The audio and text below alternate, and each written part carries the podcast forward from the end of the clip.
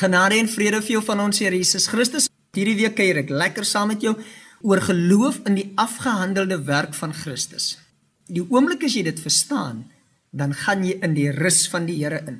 As jy Galasiërs so stuk 5 lees en dan kyk jy spesifiek na die werke van die vlees wat nie 'n mooi lys is nie. Dit maak enige iemand bang maak as jy kyk na die werke van die vlees.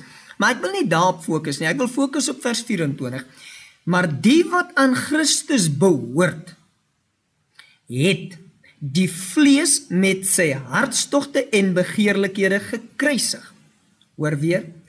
Die wat aan Christus behoort, het die vlees met sy hartstogte en begeerlikhede gekruisig. In die lig van Galasiërs 2 vers 20 wat sê ek is met Christus gekruisig, praat dit van die hele mens met sy vleesbegeertes en alles het in Christus se dood gesterf. Dis iets wat jy moet aanvaar.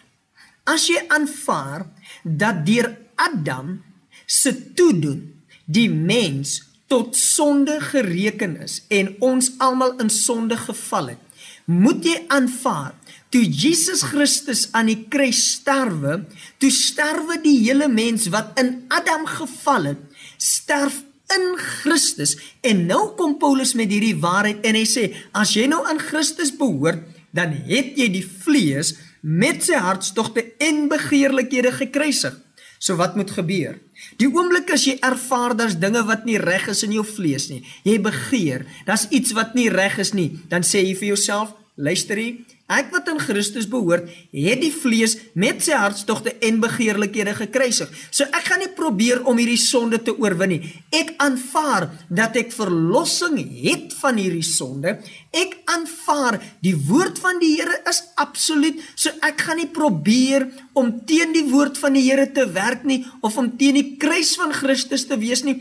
Ek aanvaar dat die vlees met sy hartstogte en begeerlikhede gekruisig is. Dankie Here dat hierdie ding mee afgehandel is aan die kruis en so begin jy die Here te eer en weet jy nie lank na dit nie gaan jy ervaar dat jy die opstandingslewe beleef en nie meer gedomeineer word deur die vlees nie. Dan sê, soos wat die Bybel sê wandel deur die gees dan sal jy nooit die begeerlikhede van die vlees volbring nie.